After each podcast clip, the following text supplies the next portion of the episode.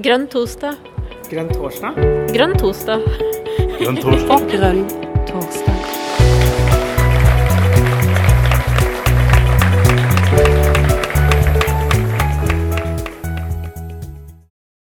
Da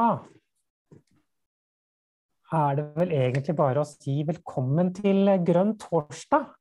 Det er eh, fantastisk å se så mange fine folk samla. Og eh, vi gleder oss så spesielt for at i kveld så er det eh, en av nominasjonskomiteens nominerte, innstilte, til nestleder som skal få lov til å bruke sin time Eh, til å snakke om ting som hun mener er viktig å prate om. Og så gir det en mulighet for alle oss sammen da, å stille henne litt vanskelige spørsmål. Det er viktig at vi gjør dette, det skal ikke være noe walkover dette her.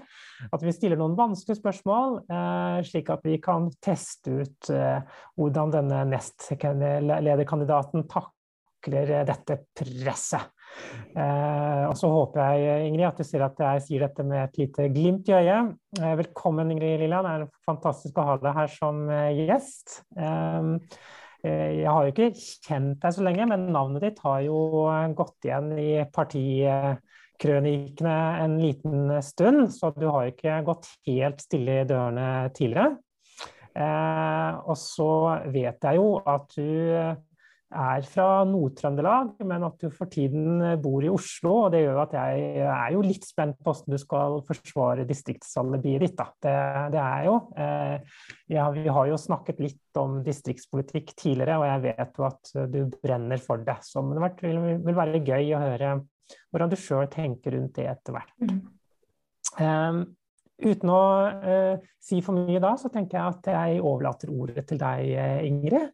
Og da gjør vi det sånn at du får lov til å prate egentlig ganske sammenhengende en god stund, uh, til, du eventuelt ikke gidder mer, eller uh, til du syns at nå er det gøy å få noe feedback. og så ser vi hvordan det går. Tusen, tusen takk. Og da vil jeg bare begynne med å rette presset andre veien. Og så Kjære Brønn Torsdag. Det fins mange bursdagssanger som er veldig fin. Men jeg syns at dere fortjener en som bare er din. Og hurra for grønn torsdag i dag! Hurra! Hurra for grønn torsdag i dag! For grønn torsdag har bursdag. Ja, det har dere. Og Grønn torsdag har bursdag. Det er episode nummer 100, folkens! Grønn torsdag har bursdag. Gratulerer, Karina, Anders, Mariell, Jon, Jonas. Takk for at dere har dette fantastiske formatet. Jeg lovte noen hemmelig som jeg ikke skal avsløre, og gi dere en liten skål, eh, skål med vann i fint glass. Gratulerer med 100 episoder. Jeg visste hva som kom, så jeg også tatt med meg glass. ja, jeg var faktisk ikke klar over at det kom. Eh, så, det så vet vi. En, det var en skikkelig surprise for meg, så tusen, tusen takk. Det var veldig hyggelig. Um, ja. Eh, da kan du få lov til å få ta ordet, Ingrid. Jeg ble, jeg ble målløs. Tusen takk. Det ble heldigvis ikke jeg. Men eh, jeg kan jo bare gjenta, da. Tusen takk, Grønn torsdag, for at dere har satt opp disse møtene eh, og invitert oss nestlederkandidatene til å få presentere oss. Det gjør jo at vi kan få møtt veldig mange flere enn dem, eh, enn dem vi rekker å møte fra dag til dag. Og så har jeg og Natalie i hvert fall tatt kontakt med alle fylkeslagene og bedt om å få møte alle delegasjonene i tillegg. Eh, så det håper jeg jo for dere som er eh, delegater, at eh, jeg ser dere igjen på delegasjonsmøtene. Jeg har lyst til å begynne med å si litt om hvorfor jeg stiller til valg. Jeg har lyst til å bli nestleder i MDG rett og slett fordi jeg vil bygge en folkelig oppslutning om det jeg tror er det største samfunnsprosjektet i min levetid. Det er sånn at eh, MDG allerede har gjort veldig mye viktig i norsk politikk, som jeg er stolt av å ha vært en del av. Vi har eh, fått en problemforståelse, tror jeg, inn i den norske bevisstheten, inn i norsk politikk, om at det samfunnet og den levemåten vi har, ikke er bærekraftig og ikke er langsiktig. Og vi har noen økologiske kriser som vi står i.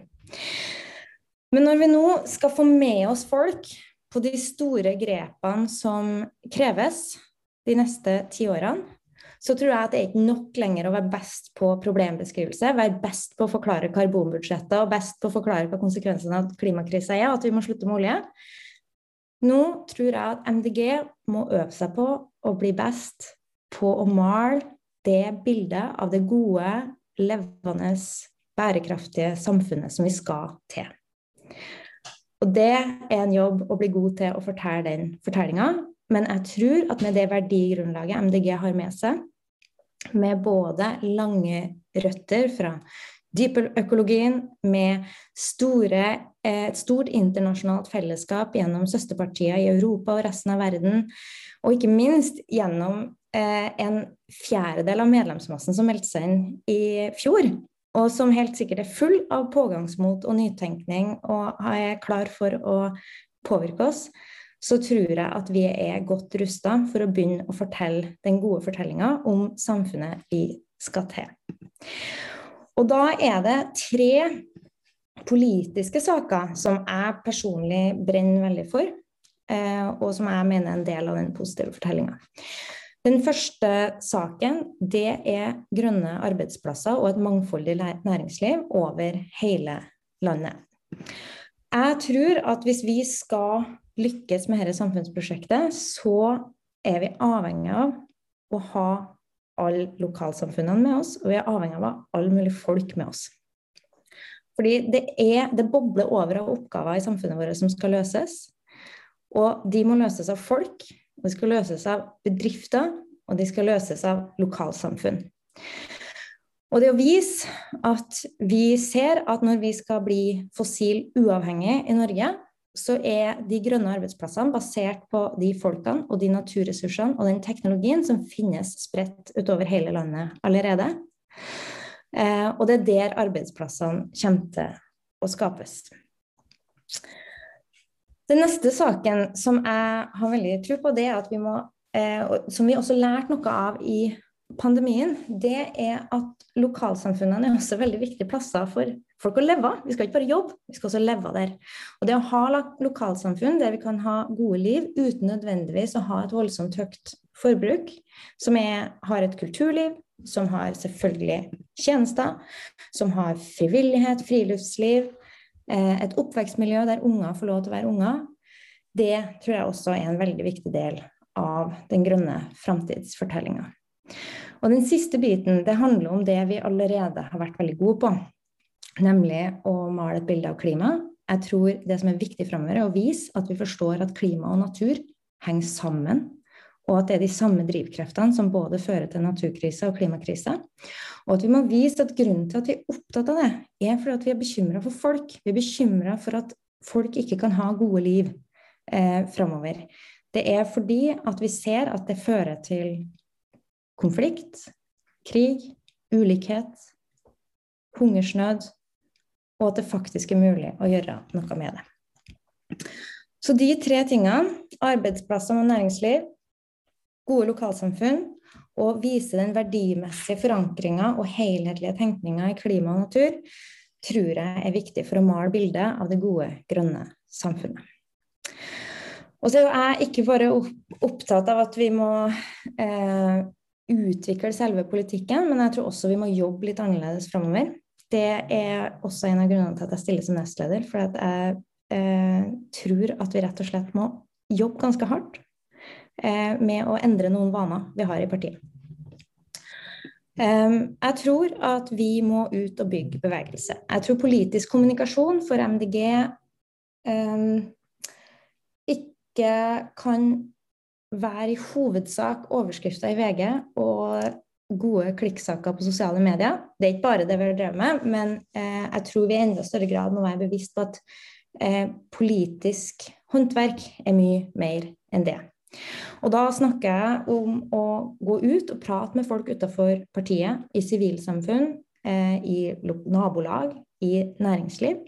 Når jeg prater med folk som har starta bedrift, som driver bedrift, som jeg synger karaoke med på de bruneste pubene, så er det ganske mange som er enige med oss. Og mange vil til og med gå lenger enn oss i, i sine hjertesaker. Og jeg tror at vi eh, har veldig godt av å snakke med dem, både om politikken og hvordan vi setter ord på det her framtidssamfunnet. For det er veldig mange som er bekymra for kursen samfunnet har i dag, og det er veldig mange som mener at vi må gjøre noe med det. Og jeg tror vi kan lære mye av dem som er enige med oss i det. Og så tror jeg vi må løfte frem det mangfoldet vi har i partiet. Vi blir oppfatta veldig smal, eh, og jeg mener at vi er med på å gjøre oss smalere enn vi egentlig er. Jeg tror at vi kan jobbe strategisk med å løfte fram flere forskjellige folk som vektlegger ulike deler av det bærekraftige, grønne samfunnet. Jeg tror vi kommer til å være fortsatt tydelige på mye av problemene eh, med de økologiske krisene vi står i, på overforbruk osv.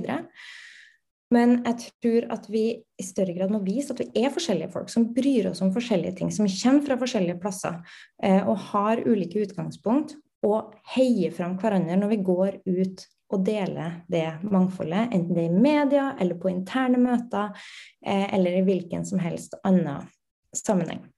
Og det bringer meg over til mitt siste eh, eh, hva skal jeg si, kampsak for at vi må jobbe litt annerledes. Vi må bygge sjøltillit og stolthet til vårt felles politiske prosjekt. Laget er alt. Og det krever en involverende og god, langsiktig ledelse. Partiet vårt har vært spesielt ramma av pandemien, tror jeg, fordi vi, vi er litt mer, litt mer sårbare. Vi har ikke de samme mange tiår med strukturer og, og eh, partivaner som kanskje står seg gjennom tunge tider. Og jeg tror at det er mange som er slitne nå rundt omkring. Og det blir en stor jobb å få folk med over i neste valgperiode. Jeg husker et parti som hadde glimt i øyet, som hadde sjølironi, kreativitet og overskudd, og som laga heimlaga kollasjer med sykkel og hammer og maler og styrer på, og her er det reparasjonsverksted osv. Det tror jeg vi finner tilbake til nå som pandemien er over. Men Eh, jeg tror at nøkkelen til at vi kan sitte i Vardø og være stolt over jobben i Oslo, og vi kan sitte i Oslo og være stolt over jobben som gjøres i Vardø, den ligger i at vi må bygge lag med en intern ledelse som jobber med å inkludere og lytte til dere som er folk og tillitsvalgte i vår politikkutvikling. Um, som sagt, jeg heter Ingrid Liland, og kort om min bakgrunn. Jeg har vært med i partiet ganske lenge, bl.a. deltatt i tre nasjonale programprosesser, der jeg har jobba med veldig variert utvalg av politikkområder, eh, med hovedsak på utdanning, næringspolitikk, økonomisk politikk. Eh, og likestillingspolitikk har jeg også jobba ganske mye med. Eh, fram mot 2017 så leda jeg den nasjonale programprosessen. Og det samme året var jeg også stortingskandidat i Nord-Trøndelag. Jeg har utdannelse i jazzsang og erfaring fra kulturlivet som pianolærer, karaokesynger og litt sånn bryllupstrubadur. Eh, og har jobba mye med skolepolitikk tidligere. Men det jeg har gjort først og fremst de siste ti årene, er å jobbe i teknologi- og ingeniørbransjen. Med strategiprosesser, endringsledelse og andre ledelses- og utviklingsprosesser. Eh, og jeg har med meg en ganske sånn stor ballast av at det er bra at folk er forskjellige, og at folk er uenige. Og at det eneste som kan gjøre et lag godt, er hvor godt vi klarer å benytte den forskjelligheten i laget. Jeg har trua på at folk kan og vil. Jeg tror til og med folk utafor MDG kan og vil gjøre en forskjell. Eh, og jeg har trua på at MDG kan ta det lederskapet i Norge. Og jeg håper at jeg får muligheten til å bli nestleder etter landsmøtet jeg er veldig glad. Nå ser jeg at Natalia er her også. Hei. Eh, for at Natalia og Kristoffer Robin og Arild alle har lyst til å være nestledere, så vi har fire gode politikere. Det skal være kamp om disse vervene, og jeg er helt sikker på at vi får en veldig motivert ledelse etter landsmøtet, uansett hvor kabalen er, og at jeg og Natalia og de to andre kommer til å samarbeide godt, uansett hvilket verv vi havner i. Tror eh, det her skal bli bra. Takk. Og så er jeg spent på hva dere mener om de tingene jeg har sagt, og helt andre ting. Tusen eh, takk, Ingrid. Og da er det jo sånn, folkens, eh, at det er lov å tegne seg ved å rekke opp hånden. Dvs. Si man bruker den raise hand-funksjonen, som, som, det heter så fint i, i, i Zoom. Um, og, og, hvis dere sliter med å finne den eh, Jeg vet at det er noen som av og til eh, ikke finner den fordi de har en eller annen odde-versjon på et eller annet nettbrett eller noe sånt, eh, så, så, er det lov å skrive navnet sitt til ønskerordet i, i chatten. Så skal vi prøve å få det med oss. Så eh, det er ikke noe vits i å være beskjeden her, folkens. Dette er muligheten til å stille kritiske spørsmål før landsmøtet eh, til Ingrid Liland. Eh, mens, mens, vi venter på at folk skal tegne seg, da, Ingrid, så er det jo noen som lurer litt på hvordan tenker du på forholdet mellom f.eks. For det å være folkevalgt og det å sitte som nestleder eller i sentralstyret. Er det et krav å være folkevalgt, eller er det ikke det? Eller burde det vært slik at sentralstyret ikke burde bestå av folkevalgte? Har du noen tanker rundt det? Nei, det, jeg syns um, Jeg tror ikke det er noe ja-nei-svar. Jeg tror at det er helt klart at våre uh, organer må, må, bestå av uh, politikere. Og folk som vil være politikere, har tenkt å jobbe som politikere. Enten det er um, fylkesstyrer eller sentralstyre eller uh, arbeidsutvalg. Men det er mange måter å være politiker på. Uh, og jeg har dessverre ikke hatt muligheten til å være lokalpolitiker, og det er en erfaring jeg ikke har med meg. De stormene jeg har stått i som politiker, har vært fra programprosesser og som stortingskandidat. Eh, og så først og fremst selvfølgelig da fra eh, ledelse og arbeid utafor politikken. Ganske mangfoldige, rare, forskjellige ting jeg har gjort. Eh, og jeg tror at eh, for meg som ikke jobber som folkevalgt nå, så blir det veldig viktig at jeg har med meg den eh, bevisstheten på at jeg leder et svært lag av folk som har kompetanse og erfaring, og sitter i noen stormer som jeg sjøl ikke sitter. Og det tror jeg gjelder uansett når du sitter på i en ledelse, at du skal huske på at du kun har med deg det perspektivet du sjøl har og ikke til de 300 andre folkevalgte, og ikke til de hundrevis av andre tillitsvalgte, for ikke å snakke om alle de som ikke er med i partiet vårt. Så det å ha med seg den lyttende lærende som står i prinsipprogrammet vårt, anerkjenne at vi ikke har alle løsningene ennå, og bruke det når man uh, driver ledelse, tror jeg er, er kjempeviktig. Mm anerkjenne at vi ikke sitter med alle svarene. Hvordan passer det med å være et kunnskapsbasert eh, parti, tenker du? Helt perfekt. Det er grunnstammen i vitenskapen. Er å alltid være bevisst på det du ikke vet. Og vite at eh, det faktagrunnlaget du har, forteller deg bare så mye. Eksempel, jeg synes at han, Bjørn Samset, som var på folkevalgtsamlinga, sa det egentlig veldig godt. I hvert fall gjorde han det i noen av de pratene vi hadde når vi forberedte oss til den samtalen.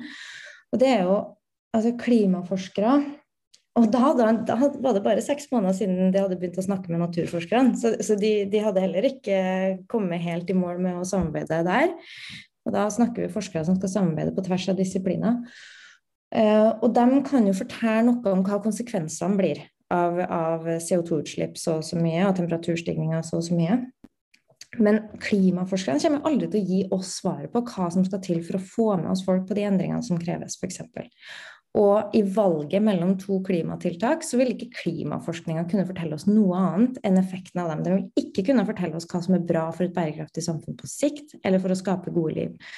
Og det er politikk, det er verdistyring, og det er tillit. Og jeg tror at vi i partiet vårt, av mange gode intensjoner, ofte ber kunnskap og forskning gi svar på ting kunnskap og forskning ikke har svar på. Eh, og at vi har vært for dårlige på å vise at det er noen verdivalg i politikken vår. Vi har valgt å prioritere noen ting over noe annet, ikke fordi at det er en fasit, men fordi det er de verdiene vi ønsker at samfunnet skal styres etter. Og så er det mye vi ikke vet.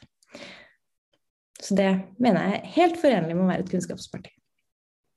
Betyr det at du tenker at eh, partiet som helhet kanskje har gått litt langt til å ta på seg kunnskapshatten? Jeg tror at politikere i andre partier er like flinke som oss til, til, å lese klimarapporter. Jeg tror ikke at Jeg tror vi litt for ofte blir oppfatta som at vi tror at vi er de eneste som har forstått problemet. Og det kan vi på en måte godt mene, men det er ikke en spesielt sjarmerende egenskap. og det å Hvis man skal være leder, så bør man kanskje, sjøl om man mener at man er rett, trenger ikke alltid å si det. Man kan vise det, kanskje, men man trenger ikke alltid å si det. Eh, og jeg tror at eh, framover så må vi begynne å argumentere med at det er riktig og bra for folk. Og det er derfor vi får den politikken vi har. Fordi at det er riktig og bra for folk, og ikke fordi at forskninga sier at vi må kutte så mange tonn CO2. Mm. Skjønner. Eh, sjarmerende egenskap er et eh, festlig, festlig, begrep, eller det er egentlig to ord da, satt sammen. Um, det er ikke sammensatt ord engang, det er to separate ord, faktisk. Sjarmerende egenskap. Hvilke i flertall sjarmerende egenskaper mener du partiet med fordel kan bygge videre på? Jeg tror i utgangspunktet at vi oppfattes som veldig autentisk. Vi sier det vi mener, og mener det vi sier. Folk tror ikke at vi fører dem bak lyset. Um, og det tror jeg er takket være um, dere som er folkevalgte rundt omkring, som har vært uh, både tydelig og kunnskapsbasert, uh, og som jeg vet har stått i noen, noen fighter. Og, og, når jeg snakker med folk, så det, de anklager MDG for mye, men de anklager oss ikke for å, for å snakke usant. Eller, ja, eller før folk bak lyset. Så det tror jeg er viktig. Og så tror jeg, som jeg sa innledningsvis òg, at vi har en originalitet og en kreativitet og et glimt i øyet som jeg tror vi var mye flinkere til å vise fram før. Og nå ser jeg litt på Arne, for han er en av dem jeg har fulgt med på som jeg syns er ganske god på det glimtet i øyet. Jeg har lest noen tekster som han har skrevet. og det jeg, jeg, jeg, tror at når vi kommer oss litt opp fra pandemien og begynner å eh, komme oss i ringer til å, å, starte valgkampen mot 2023, så tror jeg vi vil finne tilbake litt av det. I hvert fall så har jeg lyst til å jobbe for det. Eh, så autentisitet, eh, ærlighet og, og, glimt i øyet tror jeg vi skal fortsette å bygge på. Takk, Ingrid. Glimt i øyet, Arne. Er du klar for å stille spørsmål med glimt i øyet? Ja, hører dere meg forresten? Jeg ja, kom da. rett fra møtet i en annen plattform, så jeg kom litt sent inn i møtet. Men eh, det spørs hvor mye glimt i øyet det blir nå når jeg skal begynne å stille noen eh, spørsmål, Ingrid. Men eh, eh, jeg må begynne som jeg gjorde sist, med at jeg er eh, glad for at Grønn torsdag har tatt initiativet med å, med å presentere disse her kandidatene. For jeg syns jo det er veldig vanskelig og foreta et valg her blant de utmerkede kandidatene som vi har. Eh, jeg har jo sympatisert med MDG mye lenger enn eh, jeg har vært aktiv i partiet. Jeg kan sikkert gå tilbake til 90-tallet, da jeg første gangen avga stemme til MDG. Og jeg, tror jo jeg har eh, stemt MDG hver eneste gang det har vært mulig. Altså det har vært liste der jeg har vært. En av de tinga som jeg var fascinert av, og som gjorde at jeg bestemte meg for å gå inn i MDG, var jo det her med vekstkritikk. Og, eh, og jeg angra jo litt på at jeg ikke spor Natalia her forrige kveld om det samme. fordi at nå har jeg I senere tid så har jeg oppfatta en viss form for Det er litt drøyt å kalle det neoliberalisme, men det er en del liberalisme ute og går i partiet. Og, og en del vekstfokus. Og, og du har det her med grønn vekst, som har da eh, Uansett hva Stoknes sier, så får ikke hele tida det her til å henge sammen så, så enkelt sammenskruva som er her. Og jeg ble jo litt skremt når jeg nå ser på den her eh, næringspolitiske plattformen som eh, kommer opp på landsmøtet, med at det står maksimal eh, verdiskapning. Og Det betyr altså at man har fokus på å tjene mest mulig penger. Og Verdiskapning er jo å gjøre om ressurser til penger, uten at man da har gått uh, nøye inn på uh, Jeg fant i hvert fall ikke i første omgang i næringspolitiske plattformen, det forslaget der, uh, at hvilke ressurser er det vi mener vi skal brukes. Så jeg er litt interessert, Ingrid, hvor du står i forhold til, til vekst og vekstkritikk. Takk. Vær så god, Ingrid. Takk. Stort spørsmål. Når jeg ble med i MDG, um, så var ikke det fordi jeg synes at klima og miljø var det viktigste sakene i hele verden. Men det var fordi jeg mente at klimakrisa og naturkrisa og politikerne sin handlingslammelse i møte med dem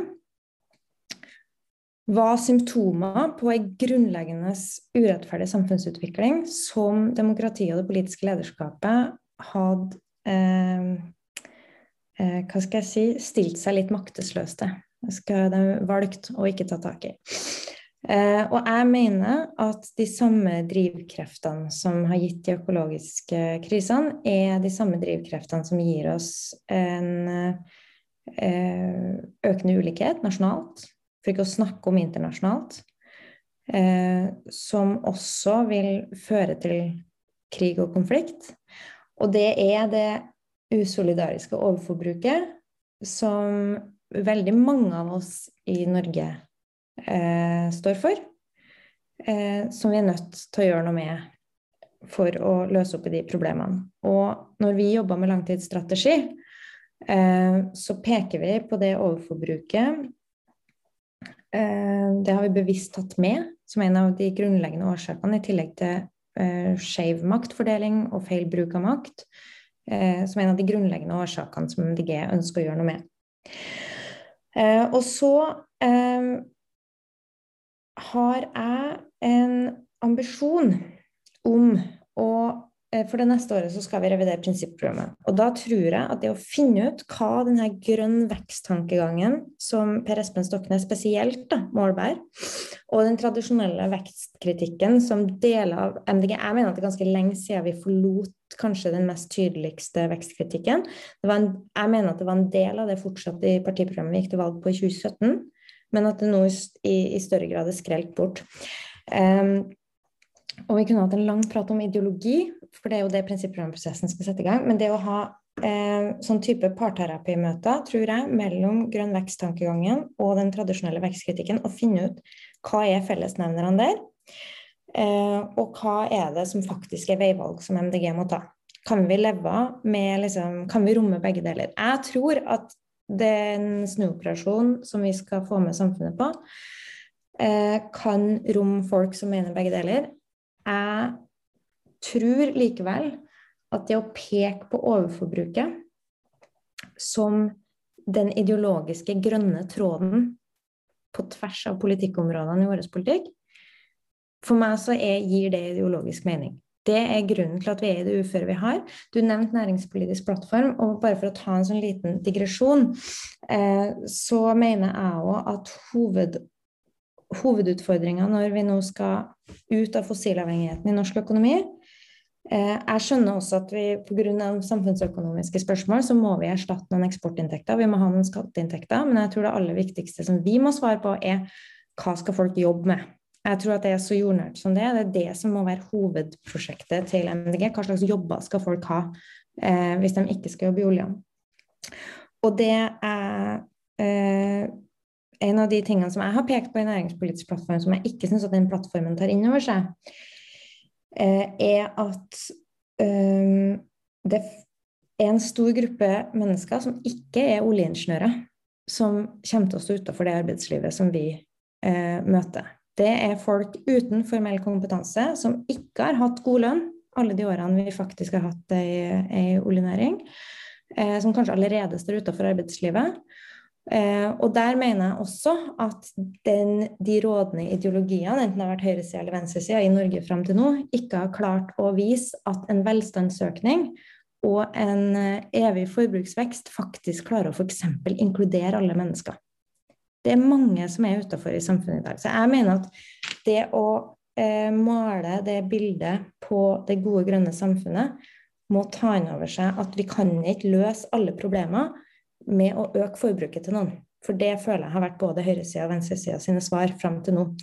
Eh, når noe er urettferdig, så er vår løsning å gjøre ting billigere, sånn at først og fremst de rike kan øke forbruket sitt. Det er ikke bare løsning.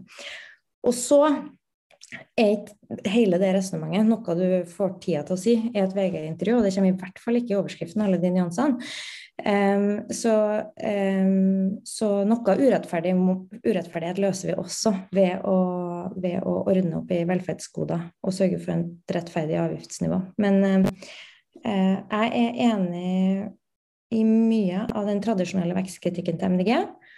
Og så tror jeg at uh, jeg gleder meg til prinsipprogrammet skal finne ut akkurat av det du spurte om hva slags eh, ressurser er det vi kan ta ut? Hvordan gjør vi mesteparten av ressursuttaket ikke-jomfruelig, sånn at ressursene går i kretsløp? Kan vi finne et avgiftssystem som skattlegger jomfruelige materialer og det å kvitte seg med materialer så hardt at vi klarer å stimulere den innovasjonskrafta som jeg vet finnes i næringslivet, inn mot en ny måte å tenke industrielle prosesser på. Jeg håper det er mulig, men jeg syns ikke det er en forutsetning for vår politikk at det skal være mulig. Var det et langt svar på masse annet enn det du spurte om? Nå, ja. Du, satt, du putta fem kroner på meg nå. Ja, det var fem kroner pluss, eh, tenker jeg. Eh, Arne, vil du ha et oppfølgingsspørsmål?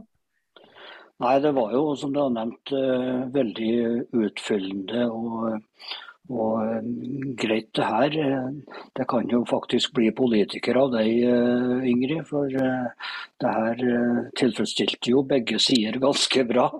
Jeg er ikke så sikker på om jeg fikk helt klart svar, men, men det er viktig å ha med seg innover med arbeidet med prinsipprogrammet. Det er jo at veldig mange av oss som er i MDG på grasrota, kom i MDG pga. prinsipprogrammet. Mm. Eh, takk, jeg skal ikke si så mye mer enn det. Takk.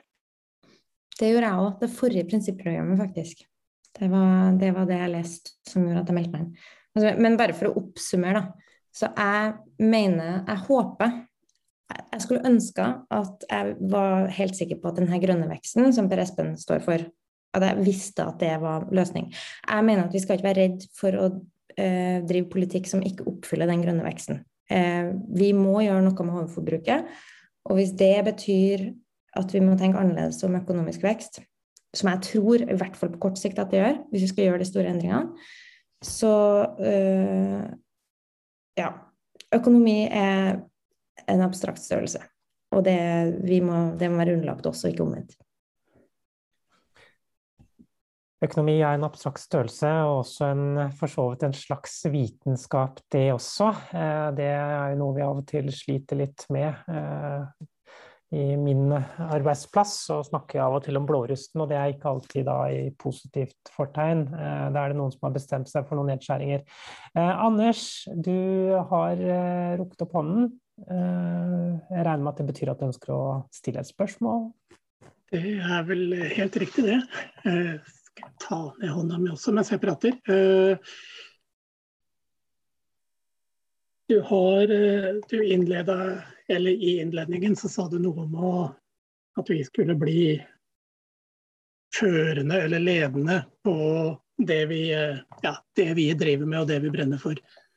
Og så har jeg en gang tidligere, da du var i Grønn torsdag forrige gang, og snakka om langtidsstrategi og sånt, og så utfordra jeg litt med Eh, å utfordre de andre partiene på deres hjertesaker.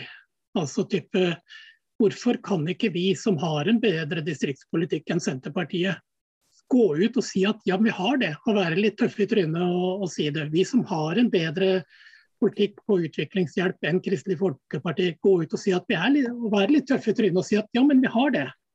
Uh, vi som har en bedre politikk på uh, hva heter det, folk med eller funkispolitikk da, gå ut og si til Rødt at ja, men vi er mye bedre enn dere.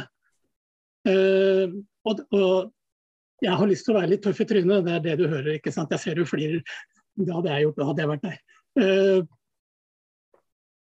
Og så ja, Nå glapp det for meg hva jeg skulle fortsette med, men, uh, men ja, du skjønner hvor, det, det, handler egentlig om en kommunikasjonsstrategi over noen år. Eh, da, jeg, jeg, stopper der, så kan du eh, fortsette, du. For jeg syns jo at dette var Jeg fikk sagt det jeg hadde lyst til å si. Ja, Ingrid, er du tøff i trynet til å gi et eh, godt svar på Anders her?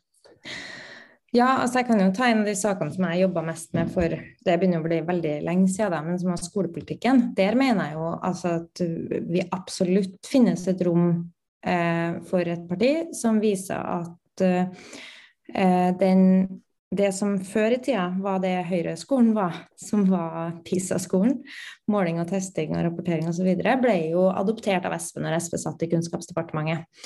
Eh, så eh, skolen som tar utgangspunkt i at unger trenger varierte dager og eh, praktiske erfaringer og, og, ferdigheter, i tillegg til de mer skolske, eh, eh, er det jo ingen, ingen, politikere, veldig få i hvert fall, som eh, som tar stilling til. Så jeg mener at i veldig mange saker, i tillegg til dem du mener, så er det rom for et grønt, systemkritisk parti. For ikke å snakke om jordbruk. Nå kommer vi til å sitte med en regjering der Senterpartiet sitter, og de kommer til å føre en politikk som eh, fortsatt vil sentralisere bruksstrukturen, som fortsatt vil belønne stordrift, eh, og som på ingen måte kommer til å belønne bærekraftig drift. Og jeg er litt usikker på hvor aktiv næringspolitikk de kommer til å ha, men jeg klarer ikke å se for meg at de kommer til å ta tak i foredlingsindustrien, f.eks. For på naturressurser, og liksom ha en sånn storstilt nå skal vi drive foredling lokalt der naturressursene ligger. Så, så, jeg er enig med deg. Jeg tror Jeg har ikke noe svar på hvorfor vi ikke har gjort det. Jeg vet ikke.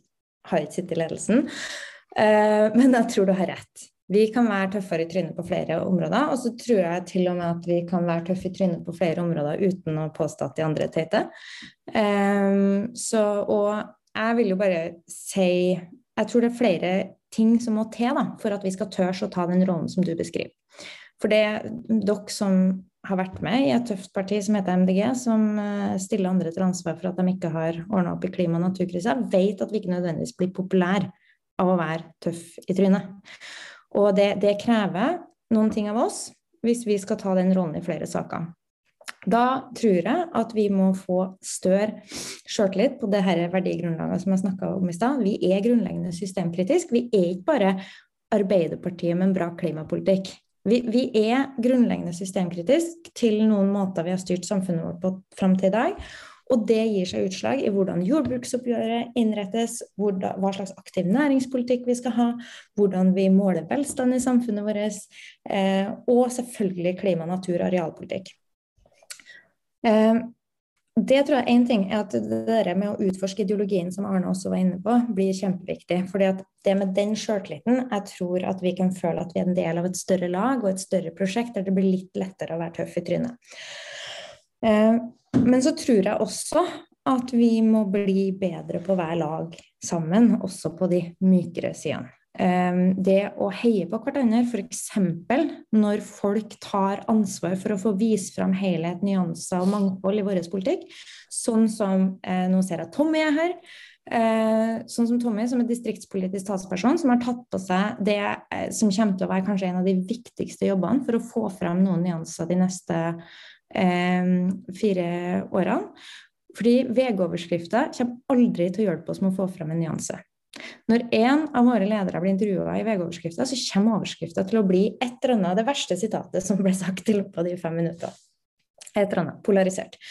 Så den, jeg tror at den måten vi kan vise at vi er bredere, mer nyansert, vi har en mer helhetlig fortelling, er at vi jobber strategisk med at flere må kommunisere ulike ting.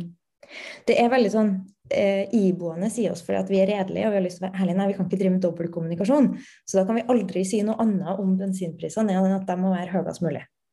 Og, og, det er en veldig sånn eh, beundringsverdig egenskap. Og, og, alltid vil Nei, vi sier alltid det verste vi mener, vi, for da vet vi i hvert fall at vi er ærlige. Så, så jeg, jeg, forstår hvor det kommer fra. Men jeg tror at framover så må vi tørs å, å benytte oss av det herlige mangfoldet vi har til å vise at vi forstår flere sider av veldig mange saker, og vi har hele historien med oss. Da tror jeg, hvis vi kan få den interne kulturen der vi heier på hverandre når vi gjør det, så kan folk i Vardø sitte og heie på bypolitikere i Oslo, så kan bypolitikere i Oslo sitte og heie på eh, distriktspolitisk eh, talsperson på Stjørdal, og så kan vi ha en sånn sirkel av folk som heier på hverandre for at de står for de sakene som er viktige for der de bor. Eh, der tror jeg også vi har en et stykke å gå. Her fikk du en liten applaus, Ingrid. Det er synd vi ikke kan, kan, kringkaste lyden av applausen, for det hadde vært fantastisk eh, å høre på. Eh, Anders, var det tøft nok svar for deg? Ja, i og for seg. Jeg er aldri fornøyd, selvfølgelig. Men, men ja, det, det, handler om god og målrettet kommunikasjon over flere år. Det er vel egentlig det spørsmålet mitt, mitt gikk på. Kan jeg stille et spørsmål tilbake? Ja. ja. Um, um, fordi um, det egentlig, for Nå snakka jeg egentlig litt om hvordan kan vi skape de interne forutsetningene for, for å egentlig ta den rollen som du snakker om på flere områder. Uh, og det krever ledelse. Men, uh, men det jeg lurer på, er tror du at vi bør liksom peke oss ut. Jeg tror som, Grunnen til at jeg nevner jordbruk, er for at jeg tror at den regjeringa vi har nå, gjør at det blir en helt sånn åpenbar jordbruk og bionæringene. altså Det er en del av vår historiefortelling om Norge etter olja som blir veldig viktig, der vi kan posisjonere oss i forhold til regjeringa som sitter. Um, men, men tror du at det er noen sånne spesielle um, saker på distrikt, f.eks. distrikt som, som vi burde peke ut nå, og kun jobbe med det? Eller, eller, tenker du at vi burde på en måte gjøre det litt på alt? Eh, ja, litt på alt, men eh, vi må konsentrere oss om, eh, om, en del kjerneområder. Vi har gode folk på jordbruk, eh, og vi må kunne bruke dem mer. Eh, og, og, vi har gode folk i skole og Eh, en del av de andre tingene jeg nevnte, og som du også var innom. Eh, og Grunnen til at eh, jeg nevnte det, var at jeg har jeg satt og gjorde en del av evalueringen etter fjorårets valgkamp. Og veldig, veldig, veldig mange av svarene gikk på ja, men ingen vet at vi har en god politikk på andre områder. Ingen snakker om de andre områdene. Så det har inspirert meg til å bli ja, litt tøffere i trynet på de andre områdene da, mm. og etterlyse det fra, fra, flere, for å si det sånn. Uh, for det, det, Jeg tror at uh, sånn som fjorårets valgkamp gikk, så var vi høyt oppe tidlig i august da uh, denne IPCC-rapporten kom. og så tok de andre partiene tak i det, og så sa, sa de at ja, men dette må vi ordne og bla, bla, bla. Og så hadde de også en god politikk på en del andre områder, og så gikk alle stemmene dit, eller nesten alle, da. Minus 3,94 mm. men pizza. Uh, så det er der de andre har en, uh, en miljø- og en klimapolitikk. Og en annen politikk også, men vi oppfattes å være en ensaksparti. Jeg har jo mm nære slektninger og bekjente som sier at ja, men dere er jo bare ensaksparti. Nei, vi er ikke det, sier jeg hver gang, men uh, ja. Jeg, mm, jeg opplever at vi var smalere i 2021 enn jeg har opplevd oss før. Jeg mener at vi Jeg er litt usikker på hvorfor det ble sånn. Eh, men jeg syns at det her med for jeg tror liksom, Grunnen til at jeg sier det her, vi kan ikke bare være Vi er ikke bare Arbeiderpartiet men litt bedre klimapolitikk. Det, det er ikke vårt politiske prosjekt. Men vi bør være oppmerksomme på at de siste åtte årene så har partiet beveget seg i en veldig sånn streit retning på alle politikkområder. Så hvis du leser partiprogrammet fra start til slutt i dag, så er vi gode sosialdemokrater med en veldig radikal klima- og naturpolitikk. Og hvis vi mener at vi skal breie oss ut, så tror jeg at da kan ikke Da må vi gjøre sånn som du sier. Da må vi tørre å være litt annerledes på de andre områdene også. Da må vi tørre å bygge det ideologiske sjøltilliten på systemkritikken. Og si at nei, vår skolepolitikk er ikke bare at vi er mer opptatt av skolemat enn SV. Det tror ikke jeg er et godt nok politisk prosjekt. Da må vi tørre å si at vi faktisk litt grunnleggende uenige med hva som har styra skoleutviklinga. Vi har meldt en masse unger på en internasjonal konkurranse som de ikke har meldt seg på sjøl. Eh, og, eh, og, de fleste av dem skal ha helt vanlige jobber i helt vanlige lokalsamfunn. Og det er ikke alle unger vi klarer å fortelle at det er godt nok. Uh, og hvis vi klarer å finne den systemkritikken og gi sjøltillit til alle som driver på med forskjellige Jeg har jobba mye med utdanning, jeg har jobba mye med gründerskap og næringsliv. Jeg tror også i gründerpolitikk og næringspolitikken at vi kan ha en systemkritikk ved å vise at eh, skatteordningene i dag gjør det ganske vanskelig for folk som ikke er rike, å drive entreprenørskap. Men vi kan fortsatt eh, mene at vi skal drive sosial omfordeling. Eh, og det er, sånn, det er, noen rom der da, som, som jeg tror vi kan ta.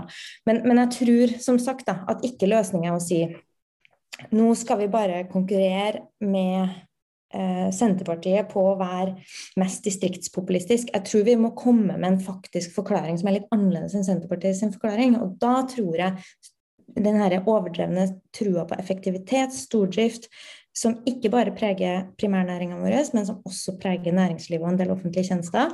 Jeg har diskutert litt med Karina før. Så Stordrift kan være bra noen gang, men, men, det er noen sånne grunnleggende strømninger som vi kan påpeke, som ikke Senterpartiet tar tak i. Og Derfor så vil de heller ikke klare å løse sentraliseringsproblemet. Nå kjenner jeg at eh, nå var det mange potensielle sidedebatter her som jeg nesten fikk lyst til å ta tak i, eh, fordi jeg har synspunkter på flere av dem. Men eh, da tror jeg vi kommer litt utenfor det som er temaet her. Ehm, det som, det som jeg opplever som litt artig, da, det er jo måten vi omtaler vår egen natur- og klimapolitikk som radikal. Men når ble det radikalt å være konservativ, Ingrid? For det å ta vare på er da vitterlig konservativt? Helt enig. Um, det, er, det, er, utrolig interessant, det der. Og der, der òg tror jeg um, Rasmus hadde et slagord i 2017 som var 'ansvarlig og fandenivoldsk'. Som, som jeg tror liksom er litt sånn som det Som jeg assosierer litt med det som Anders sier, da. Som er vi, vi, har først og fremst en ansvarlig politikk, for at vi mener grunnen til at vi er radikale på noen områder, er for at vi mener at det er noen grunnleggende trekk ved samfunnsutviklinga som må endres ganske mye. Mm. Så det, det, er radikalt i forhold til status quo og i forhold til den kursen vi er på akkurat nå. Mm. Men eh, det der med å ha også bygd den ideologiske sjøltilliten på at vår politikk er veldig ansvarlig, og det er kanskje derfor det er en balansegang der, for jeg er veldig redd for at vi da blir det her trauste kunnskapspartiet som på en måte Nei, men vi, vi, har lest en forskningsrapport, og derfor så har vi denne politikken. Um, og at vi glemmer um, glemmer å ha det litt gøy og ha litt glimt i øyet mens vi er det her ansvarlige partiet. Eh, så sjøltillit i magen, ro i kjelleren, sa min gamle sjef. Ro i kjelleren på at vi er ansvarlige, og det er derfor vi mener det vi mener. Men glimt nok i øya til at vi ikke er så redd for å si noe feil, eller stå for at det var et verdivalg. Ja. Så det radikale ligger kanskje litt i det fandenivoldske, eh, for å si det på den måten. Det er, i hvert fall den delen av partiet jeg digger, da. bare så det er sagt. Um, det er fremdeles mulighet eh, til å stille spørsmål. Ønsker du noe mer oppfølgingsspørsmål, Anders? Jeg har jo tatt mye av tida, jeg, men eh, så Men hvis ingen andre kaster seg på, så klarer jeg sikkert å tenke ut noe til. Men gi meg ja, et minutt, da. jeg, nei, jeg syns at andre folk skal kaste seg på. Jeg nå. Ja, men det er greit. Mens vi venter på at folk tegner seg, det er jo sånn typisk eh, Du har sikkert forberedt noen spørsmål til deg sjøl også, Ingrid, slik Natalia gjorde. Eh, jeg syns det var et genialt eh, grep, by the way. Fikk du brukt dem? Jeg har ikke fått hørt gjennom hele. Jeg var jo syk på Ja, det er så bra. Eh, da, da, da, før jeg får stilt spørsmålet mitt, så er det faktisk Svein Helge som har tegnet seg. Så da får du ikke spørsmålet for meg, Ingrid. Det var noe veldig godt spørsmål på gang her. Men eh, Svein Helge, vær så god. Hvor er ditt? Fikk hele driten, er det sånn? Karina, du, du, legger an til en veldig sånn uformell måte å, å, å, samtale på. Jeg liker det veldig godt. og eh, Derfor så hiver jeg meg frampå. Jeg har ikke fått være med på starten. Vi hadde styremøte i Agder, så jeg har liksom måtte svelge det, og så er jeg nå her. Så det kan være dette spørsmålet er stilt før. Men eh, Ingrid, eh, kan du si eh, komprimert den store forskjellen på deg og den andre kandidaten? Har dere snakket om det? Har dere snakket om det før nå? Okay. Nei, ikke, ikke, i dag. Jeg og nei, nei, nei. Natalia, ja. Natalia har snakka mye om det. Ja, ja, ja. Men om du kan liksom gi oss den der store forskjellen. Ja. ja. hva er den store forskjellen, Ingrid, sett fra ditt ståsted? Ja, Skal jeg fortelle dere hvorfor dere skal stemme på Natalia? Ja, hvis du vil, så kan du få lov til det. um, nei, jeg skal ikke flåse det til, altså. Men um, jeg tror at man, man, skal ikke undervurdere den erfaringa Natalia har som fylkestingspolitiker. Uh, og den praktiske politikererfaringa som Natalia representerer. For ikke å snakke om at, at ja, nei, nå skal jeg ikke skryte for mye av Natalia. Det blir det kan få gjøre sjøl. men, eh, men eh, Natalia har eh, gjort en helt fabelaktig jobb som varaordfører i Vestland. og det er politikere som vi burde ønske inn i vår ledelse. og så kommer jeg inn uten erfaringer som lokal- og regionalpolitiker, men med erfaring som fra praksis i næringslivet og ledelse der.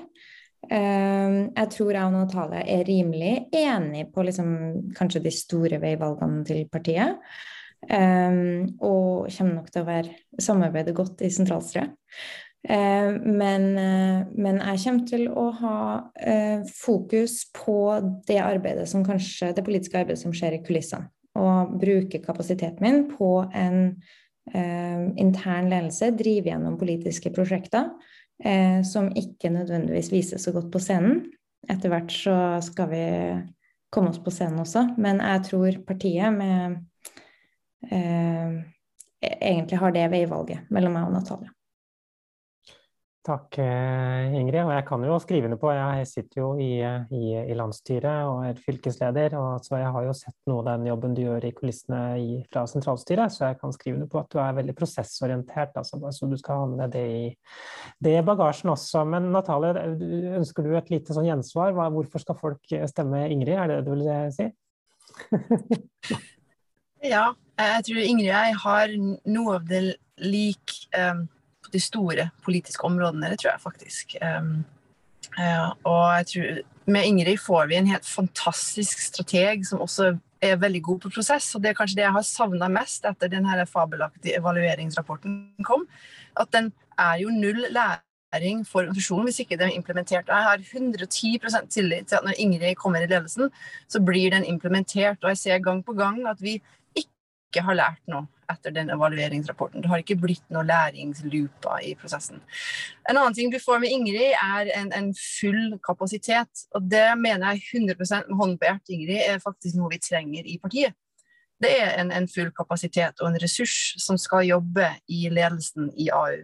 Eh, og det får du ikke med meg. Det, det sa jeg også forrige gang Karina i forrige møte. at jeg mener vi skal ha toppolitikere i AU som ikke er 100 frikjøpt til å være bare i AU. Jeg kommer til å være fylkesvaraordfører ved siden av. Eh, og Det er noe man kan ta med seg når man skal velge lederskap. Der ligger det faktisk et veivalg for partiet, og det er jo relevant å ta med seg. Takk for uh, oppklaringen, Natalia, og for at du, at du tok uh, stafettpinnen på, på, denne 'hva er det som gjør den andre god' Eh, delen. Det er noe av det som er kult med det partiet her, at vi liker å snakke hverandre opp. Så det er en god verdi å ta vare på. Så skal vi eh, ta en øl. Si? Ja, eh, jeg og Natalia har avtalt en øl da, etter valget på, på, søndagen på landsmøtet. Så det blir en veldig sånn, tidlig øl som jeg og Natalia skal ta sammen. Og da er selvfølgelig alle hjertelig velkommen til å være med på det. Så da kan vi fortsette å skryte av hverandre. Ja, men så bra. Er det flere som har noen spørsmål nå, eh, så er det eh, faktisk begynner tiden å renne ut for å kunne melde seg på for å kunne få stilt spørsmålet. Så, så det, er, det, er, å bruke det mulighetsrommet som er nå. Eh, så må jeg jo si, da, sjøl så, så, er jeg veldig Hva skal jeg si for meg så er både næringspolitikk og distriktspolitikk eh, viktig, og det å jobbe med prosesser i partiet er viktig. Og eh, jeg opplever jo at uansett hvem av dere to det blir, så får vi mer av det. Og det opplever jeg som veldig betryggende. Så, og da er, jo, er jo spørsmålet hva er det som får deg til å tippe den ene eller andre veien for de som skal velge deg? Og det, det, det lar vi for så vidt stå åpent, for det er det folk skal få lov til å, å ta en selvstendig beslutning på. Um, det er noen få minutter igjen, Ingrid. Um, har du tanker om et sånn type sluttinnlegg du kunne tenke deg å holde? Jeg har eh, aller mest bare lyst til å si takk. Eh, og eh, nå, nå føler jeg at jeg har snakka veldig mye, og jeg, jeg, håper at jeg får muligheten til å lytte mer. Det gjør jeg som regel på Grønne torsdager, så lytter jeg til andre. Men det var også artig å få lov til å dele mye av mine egne tanker. Takk igjen for det. og takk, for, takk til Natalia for at vi, har, vi gjør så god prosess. Allerede nå så driver vi og øver på det. og det tror jeg vi, vi får igjen for. Og så er jeg bare klar for en uh, skikkelig jobb. Uh, det eneste som, eller det jeg gleder meg mest til med å få under landsmøtet, er at da kan vi slutte å snakke om hva vi vil gjøre, så kan vi gjøre det. Um, og det gleder jeg meg til uansett hva utfallet skal bli. Å få med det norske folket på dette store samfunnsprosjektet i min levetid. Det er jeg veldig klar for. Ikke bare flikking, men ordentlige systemendringer. Det skal vi få til. Og landsmøtet det er jo et stort høydepunkt, er det ikke det, Ingrid? Ja, og jeg hører rykter om at det blir karaoke, og at det blir mange andre ting. Så, så vi skal kose oss masse. Eh, så dessverre er karaoken før valget. Så det blir litt sånn, ja. Ja, du risikerer litt sånn fallhøyde der, tenker du? ja, nei, det, det, er viktig å ha energi på, på scenen, uansett hva man skal gjøre. Ja, det er bra. Føler du at du får brukt eh, det du har lært innenfor, eh, innenfor eh, sang og sånne ting i det politiske? Hva mener De grønne om annet miljø? Jeg har fått med meg, de vil ikke at kloden skal dø. Hva mener De grønne om annet miljø? Har de politikk for krig og fred og slikt? Det, det er jo um, en del av Så når du først spør, da, så må jeg si det var veldig artig når jeg var leder i programkomiteen i 2017, så tok Lage Nøst initiativ til å spille inn den låta, der han rapper ca. hele program, eh, programmet vårt, og jeg fikk lov til å synge. Og jeg må bare si at når jeg var stortingskandidat i Nord-Trøndelag, og veldig få eh, jeg, skal, jeg skal, ikke si at liksom, eh, jeg ble eh, nedringt av journalister som hadde lyst til å vite hva jeg mente om ting. Um, men eh, jeg reiste jo rundt og fortalte folk hva jeg mente om ting likevel. Altså og en av de mulighetene jeg fikk da, var å invitere laget opp på Høylandet revyfestival. Og det er en institusjon. Hvis folk ikke har vært der, så må dere eh, Revy er noe av det flotteste med norsk kultur. Det må vi gjøre mye mer av. Og da eh, fikk jeg å lage fremføre en låt på, på um, Let It Go fra Frozen med, med teksten 'Jeg er grønn' som, som handla om det å, å, være fra Namdalen og ikke ha noe tog å ta noen sted. Og, og ha litt identitetskrise og finne ut at man er grønn. Eh, og det som er så artig med MDG, syns jeg, da, i, i, hvert fall fra utsida, så ser de andre partiene mye kjedeligere ut. For det er så mye kreativitet, og i mange former. Jeg bruker musikk, andre bruker tekst, andre bru igjen bruker eh, gode samtaler. Og den kreativiteten tror jeg vi har bare godt av å vise fram og, og feire. så ja, det får jeg bruke for. Jeg skal bruke det masse. Det høres også ut som en oppfordring til alle kreative sjeler i, eh, i, Miljøpartiet De Grønne. Så det håper jeg at eh, alle kreative sjeler der ute tar med seg. At det er velkomment å bruke kreativiteten til å skape glede. Eh, og ha det litt gøy underveis også, tenker jeg kan være en fin ting, da. Tusen, tusen takk, eh, Ingrid, for at du brukte en time sammen med oss i kveld for å presentere deg selv. Um, og slik at vi fikk enda bedre anledning til å bli enda litt bedre kjent med deg. Det setter i hvert fall jeg personlig stor pris på. Um, vi fortsetter jo vår runde med nestlederkandidatene uh, uh, neste uke. og Da er det gutta sin tur. Arild på tirsdag og Kristoffer Robin på torsdag. Så det er også to fantastisk flotte nestlederkandidater. Arild er jo nestleder nå. og, og blir da benket med mot, da, han også. Det er jo det som du også har blitt, Ingrid. Det er, det er på lik fot sånn sett. Begge to er på en måte blitt eh, nominert av nominasjonskomiteen. Så det, det, blir veldig spennende. Det gleder vi oss veldig til. Ehm, så da er det egentlig bare å ønske alle som er i delegasjoner, eh, gode forberedelser til landsmøtet. Flere av dere vil jeg helt sikkert se på tirsdag neste uke. Ehm, og noen av dere vil også se på egne delegasjonsmøter av dere som er med i Viken. Og flere av dere vil lese møter på utenlandsmøter. Det setter jeg også veldig stor pris på. Det blir veldig bra. Så da ses vi på Grønn torsdag på tirsdag neste